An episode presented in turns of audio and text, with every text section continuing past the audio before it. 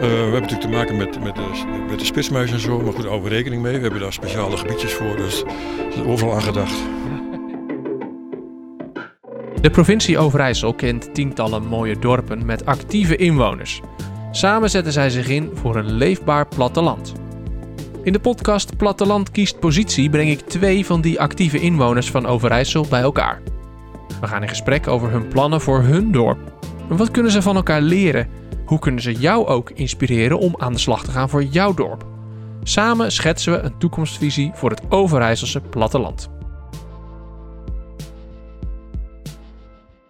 De Krim is een dorp in het noorden van Overijssel, tegen de grens met Drenthe aan. Vroeger stond het dorp bekend om één ding, vertelt Ton Golstein. Vroeger hadden we inderdaad de aardappelverwerkende industrie. Daar stond de Krim ook bekend om, want het, eh, het rook er nogal, zal ik maar zeggen. Inmiddels is de lucht boven de Krim opgeklaard, maar die aardappellucht heeft plaatsgemaakt voor andere problemen. Het is een dorp wat redelijk op slot zat. Uh, er was nauwelijks ruimte om een, een, huis te huren of te kopen voor, uh, voor onze jeugd in de Krim. Met als risico dat de jeugd wegtrekt naar de stad. En wil je de levensvatbaarheid van dat dorp in stand houden, dan zul je moeten investeren in dat dorp. We hebben, nou, er is een hele visie op ontwikkeld. Um, en eigenlijk al een jaar of veertien zijn we bezig met het, uh, het, het, realiseren van een multifunctionele accommodatie in de Krim. Omdat, als voorbeeld, uh, de kinderen uit het dorp altijd naar omliggende dorpen of steden moesten om te trainen, dan wel wedstrijden te beoefenen omdat we geen gymnastiekzaal hadden of sport, sportzaal hadden die voldeed aan normen die daaraan gesteld werden. Dan komt bij dat we een dorpshuis hebben in de Krim wat sterk verouderd is. En waar enorm op geïnvesteerd moet worden om uh, te laten voldoen aan de eisen van deze tijd. Nou, dat heeft gemaakt dat we eigenlijk al jarenlang strijden voor zo'n multifunctionele accommodatie. Een multifunctionele accommodatie, een sporthal, huizen voor starters. In deze aflevering van Platteland kiest positie bespreek ik grote plannen. Het thema is gebiedsontwikkeling. In de Krim zijn ze daar al 14 jaar mee bezig. En ook in Sipculo, waar deze podcast opgenomen is, kennen ze dit soort grote projecten. Op het terrein waar in de middeleeuwen een groot klooster stond, worden op dit moment huizen gebouwd. Albert Sloot neemt me mee over het bouwterrein.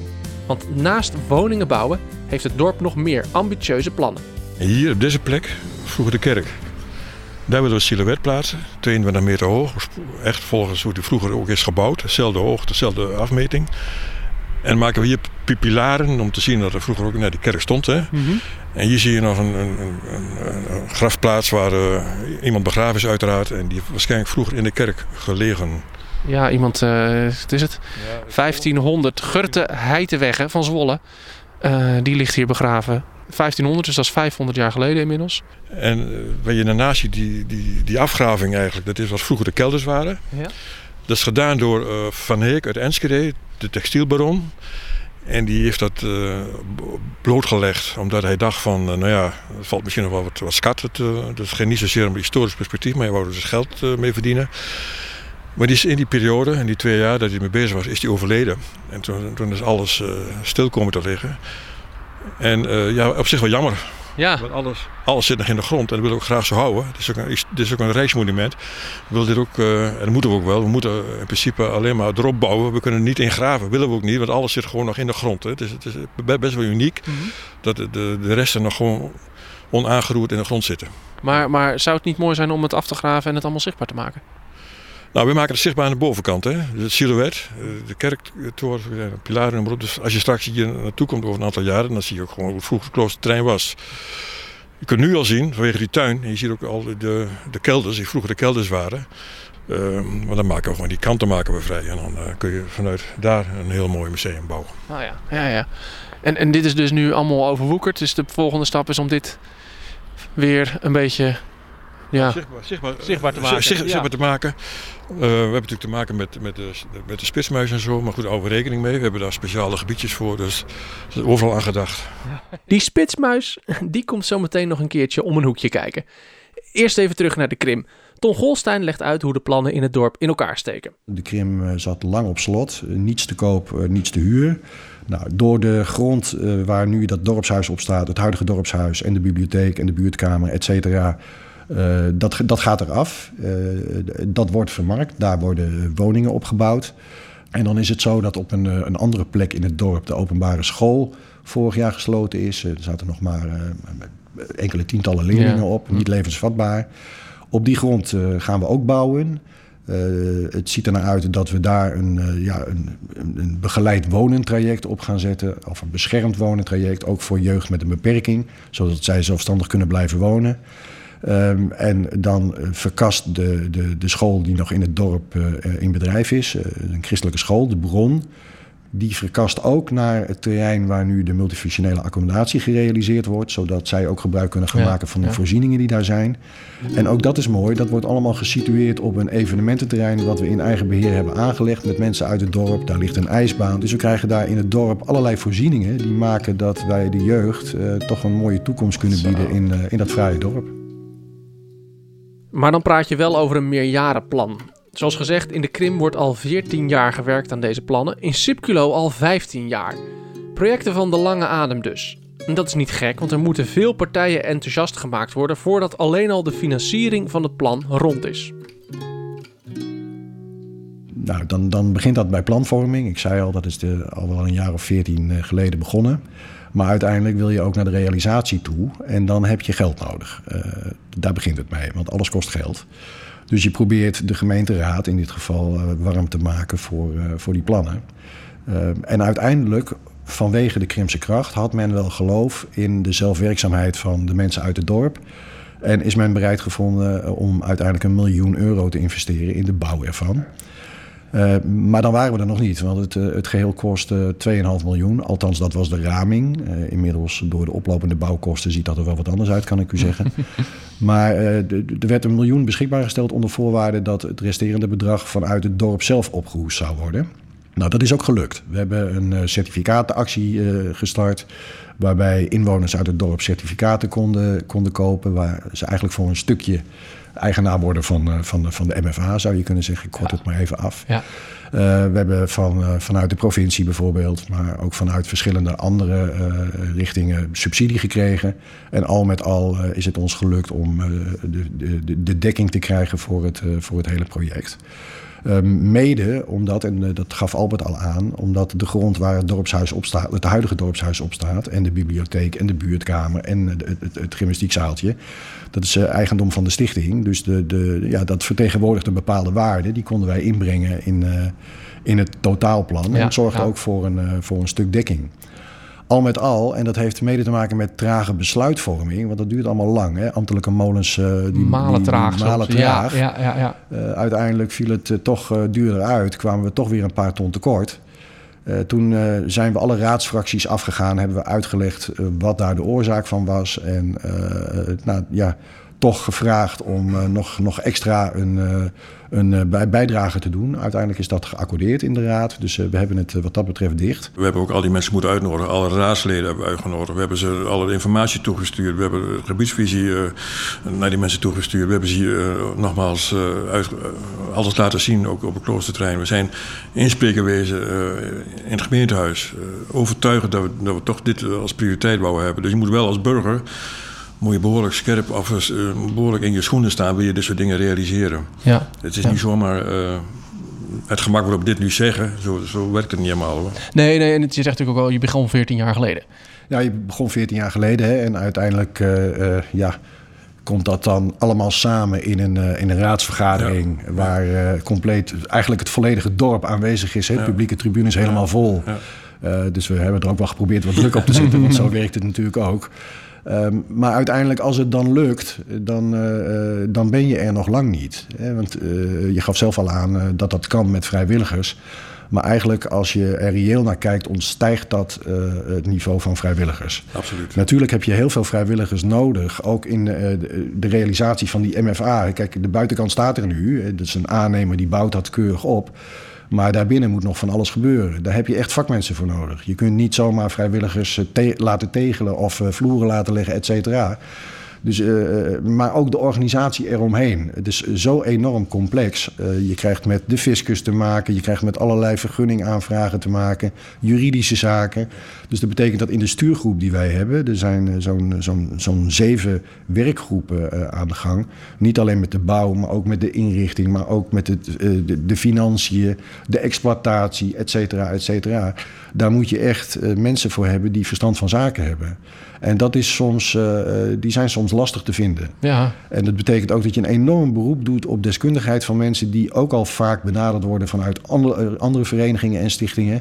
Dus je ziet in zo'n dorp uh, als de Krim dat de mensen die het doen, ja, dat, dat, dat zijn allemaal dezelfde gezichten. Die maar zijn het ook mensen uit het dorp zelf? Of ja, dat zijn, dat zijn mensen uit het dorp zelf. Je hebt niet van buitenaf? Nee, het zijn voornamelijk mensen vanuit het dorp zelf. Uh, maar dat zijn ook ja, mensen die bedrijven hebben. Hè? Ja, ja, grondverzetbedrijven. Ja, die, die, die, die zijn enorm handig, hebben de machines. Dat is gewoon niet allemaal tegen marktconforme tarieven in te huren. Nee.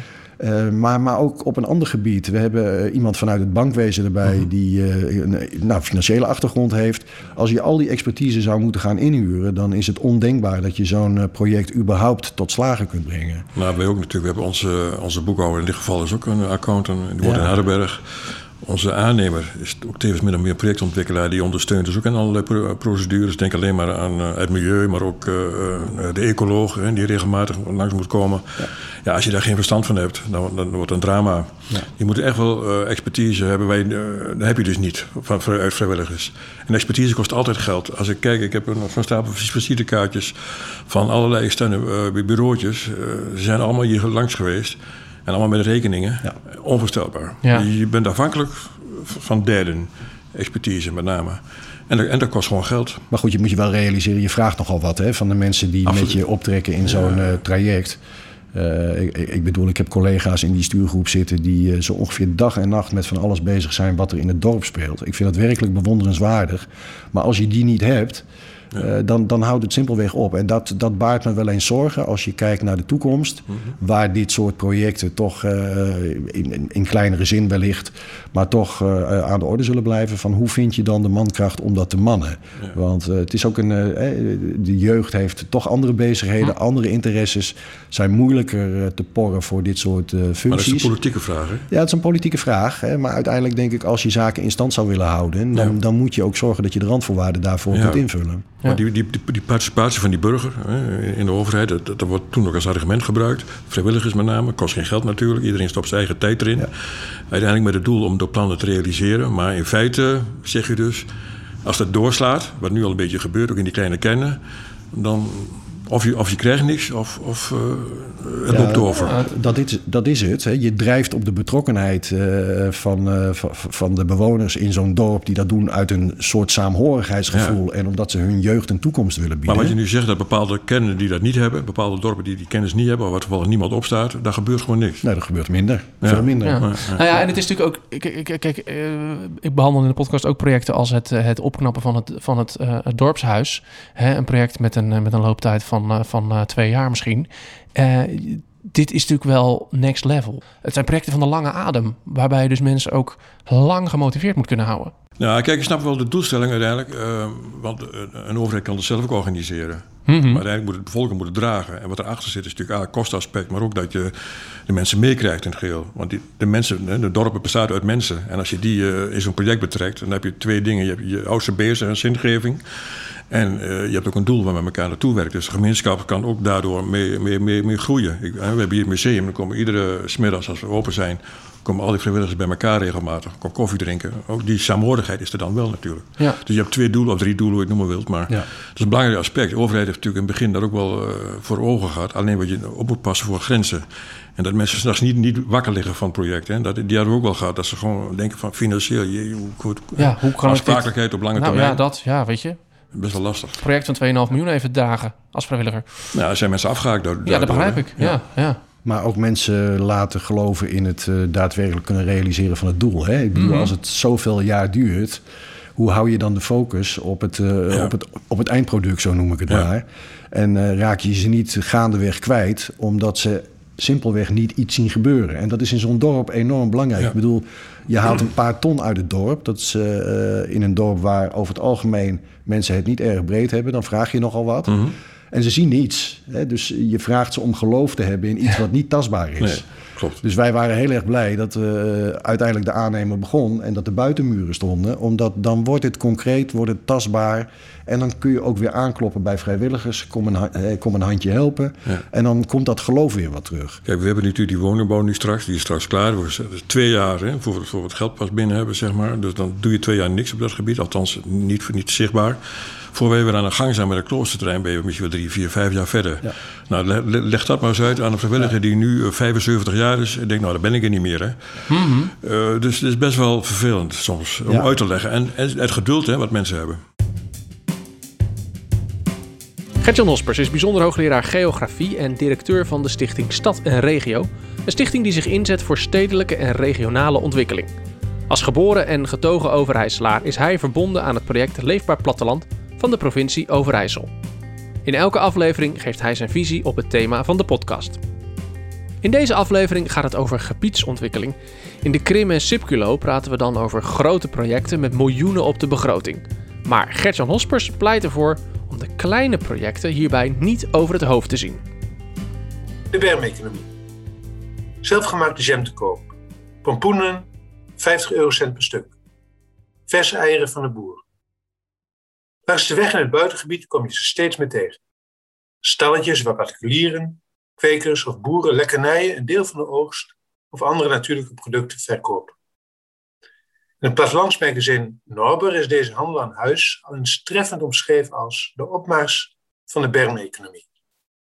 Heeft die ontwikkeling te maken met de coronatijd, waarin veel mensen hun directe leefomgeving hebben ontdekt? Of ligt het misschien aan de trend om meer uit eigen streek te eten? Op het platteland zijn de zelfbedieningskraampjes in elk geval niet meer weg te denken. De bermeconomie heeft vele gezichten. Sommige verkooppunten zijn simpel en functioneel. De courgettes, pompoenen of bakjes fruit liggen bijvoorbeeld op een opklaptafeltje en hebben als kassa een potje waarin je geld kunt stoppen. Andere stalletjes zijn professioneler en robuuster. Ze hebben een houten kap, zodat de uitgestalde waar beschermd wordt tegen weersinvloeden. Ook worden de potten honing doosjes eieren of kratten met groenten. Nog eens vergezeld door borden, decoratieve elementen zoals een vaasje bloemen of folders om de aandacht van voorbijgangers te trekken. En er zijn zelfs kraamhouders die werken met scanbare QR-codes waar je met een tikkie kunt betalen. De stalletjes zijn niet alleen interessant vanuit de koop-lokaal trend. Ze zeggen ook iets over het vertrouwen in elkaar. Een waarde die op het platteland van ouds hoog in het vaandel staat omdat de verkooppunten onbemand zijn, gaan de verkopers er stilzwijgend vanuit dat de klanten de producten naar eer en geweten afrekenen. Op hun beurt vertrouwen kopers erop dat de aangeboden waar kwalitatief gezien in orde is. Zo staat er vrijwel nooit een houdbaarheidsdatum te produceren, terwijl de groente en fruit het eigen teelt meestal geen keurmerk hebben. Mooi dat zoiets in deze tijd nog kan. Of toch niet? Want helaas verschijnen er in de media af en toe berichten dat stalletjeshouders te maken hebben met diefstal. Niet alleen van de producten, maar ook van het geld uit de potjes, kistjes of andere provisorische kassa's. Het moet toch niet gekker worden. Dat verklaart tevens waarom het stalletjes zijn waar camera's, al dan niet nepvarianten, hangen om dieven af te schrikken. Gelukkig weerhoudt dit plattelanders niet ervan om ook een eigen kraampje te beginnen. De populariteit van de bermeconomie heeft in 2020 zelfs geleid tot de oprichting van Versie, een digitaal platform voor stalletjes langs de weg. Verkopende partijen kunnen hun kraampje gratis aanmelden, terwijl geïnteresseerde kopers op de site makkelijk kunnen zien waar ze terecht kunnen. Het platform groeit gestaag en maakt duidelijk dat het motto van Versie lekker, lokaal en leuk meer is dan alleen een mooie reclameslogan. Ik ken ze natuurlijk ook, deze stalletjes. Bij mij in de buurt hebben we ook heel veel eh, mini-biepjes. Dat is natuurlijk ook een beetje zo'n vorm. Maar hoe koppel jij dit nou aan het thema gebiedsontwikkeling? Ja, dat is leuk dat je het vraagt. Hè? Want ik kan me voorstellen dat veel mensen eh, die link niet, niet meteen uh, kunnen leggen. Tegelijkertijd, als je nadenkt over het begrip gebiedsontwikkeling, dan, denken er veel mensen meteen aan grootse en mislepende gebouwen, hè, stenen stapelen. Hè, maar daar gaat het natuurlijk niet om. De beleving van een plek heeft ook te maken met kleine ingrepen. Ja. Ik zeg altijd, het gaat niet alleen om de architectuur, maar ook om de acupunctuur. De kleine interventies. Je noemde al de miniwiep. Uh, de bermeconomie is een, uh, is een voorbeeld hè, waar ik net over gesproken heb. Maar ook een mooi bankje, hè, of kunst in de openbare ruimte, of een speelplek. Het zijn allemaal ja, kleine dingen in een gebied, in een omgeving, die het gebied smoel en sfeer kunnen geven. Bijvoorbeeld een dorp hè, dat, dat, uh, dat, dat, dat, meer toeristisch aantrekkelijk worden, hoeft dus niet per se een mooi nieuw gebouw neer te zetten. Maar kan ook denken aan dit soort kleine uh, dingen die mensen tegenkomen. Of mensen zeggen, oh wat leuk, dat kende ik helemaal niet. En die stalletjes langs de weg zijn daarvan een goed voorbeeld. Ja, ja. wij waren afgelopen zomer op vakantie in Frankrijk, een klein plaatsje. Uh, daar hadden ze een grote fototentoonstelling de hele zomer. Hele mooie natuurfoto's hingen daar. En daar kon je dan langs fietsen. Dat was gewoon buiten, kon je langs fietsen dan. Um, dat wordt er ook een beetje bij, maar dat is wel tijdelijk. Zit dat in hetzelfde vaatje wat jou betreft? Dat uh, zegt Ja, en precies wat je zegt tijdelijk is ook, eh, ook heel goed om, om, om te promoten. Want het aardige daarvan is, het is dan, je kunt dan inspelen op het seizoen. Hè? Dat zie je bij die stalletjes natuurlijk ook, met name in de herfst. In de zomer wat meer activiteiten die, ja, die ook echt in de buitenlucht kunt, kunt beleven, zoals, zoals fototentoonstellingen. Maar je hebt bijvoorbeeld ook voorbeelden van, van steden en dorpen die streekmarkten organiseren. Oh hè, waar mensen streekproducten kunnen, kunnen kopen. En het wordt zelfs wel eens ingezet als een soort van proef hè, of pilot. Zo zijn er bijvoorbeeld Ljubljana, een stad, gebruiken ze het concept van piep onder de bomen. Waarbij ze op mooie plekken in de stad, maar ook minder mooie plekken, strandstoelen neerzetten. En, en, en een paar ja, houten kasten met, met boeken. En daar nodigen ze mensen uit om te gaan zitten. En dan kijken ze ook of die plek een beetje zich leent, of dat mensen samenkomen, of de mensen langskomen, of mensen daar graag willen gaan zitten, om te kijken of dat een plek is waar ze later mogelijkerwijs vanuit de gemeente in kunnen investeren om die plek mooier te maken. Dus of er een beetje reuring op die plek ontstaat of niet. Dus het kan ook een interessante manier zijn om erachter te komen of, uh, of, of een deel van het dorp of stad uh, in trek uh, zou kunnen komen.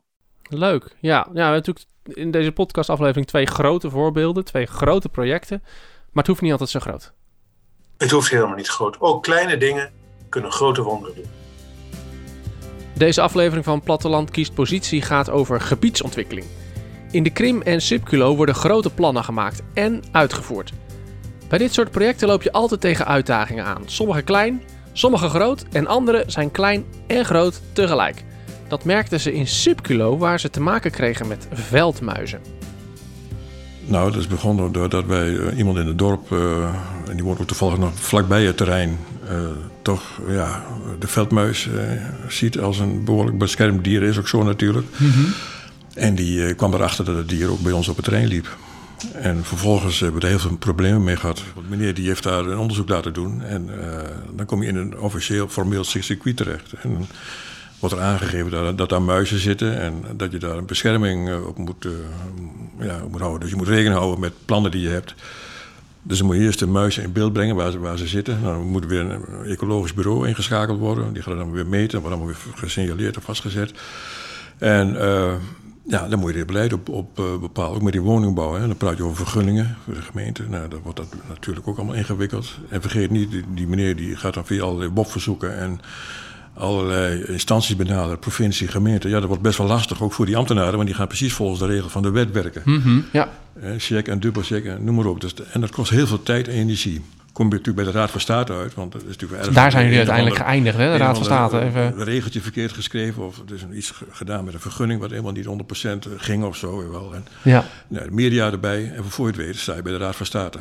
Zo. Maar toen had ik al het gevoel... nou, dan gaan we toch wel winnen. Ja. Dat hebben we ook gewonnen. Uiteindelijk heb je het ook gewonnen. Ja, ja. Maar dat is inderdaad... Dat levert dan dus gewoon...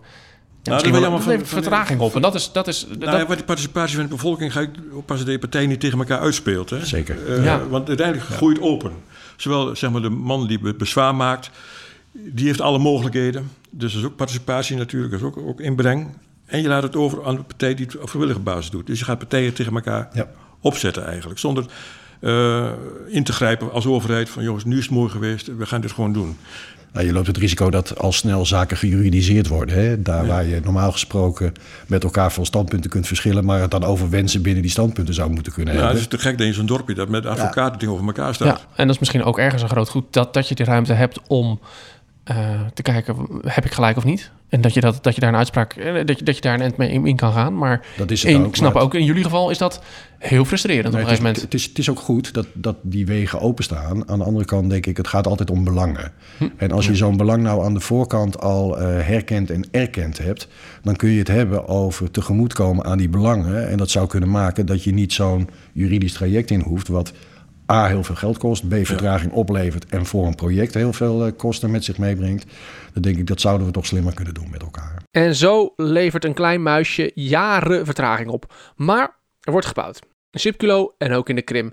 Met dank aan steun van de overheid, een actieve projectgroep en, zoals altijd, veel enthousiaste vrijwilligers. Zo wordt het bouwtoezicht in de Krim gedaan door een groepje pensionado's met ervaring.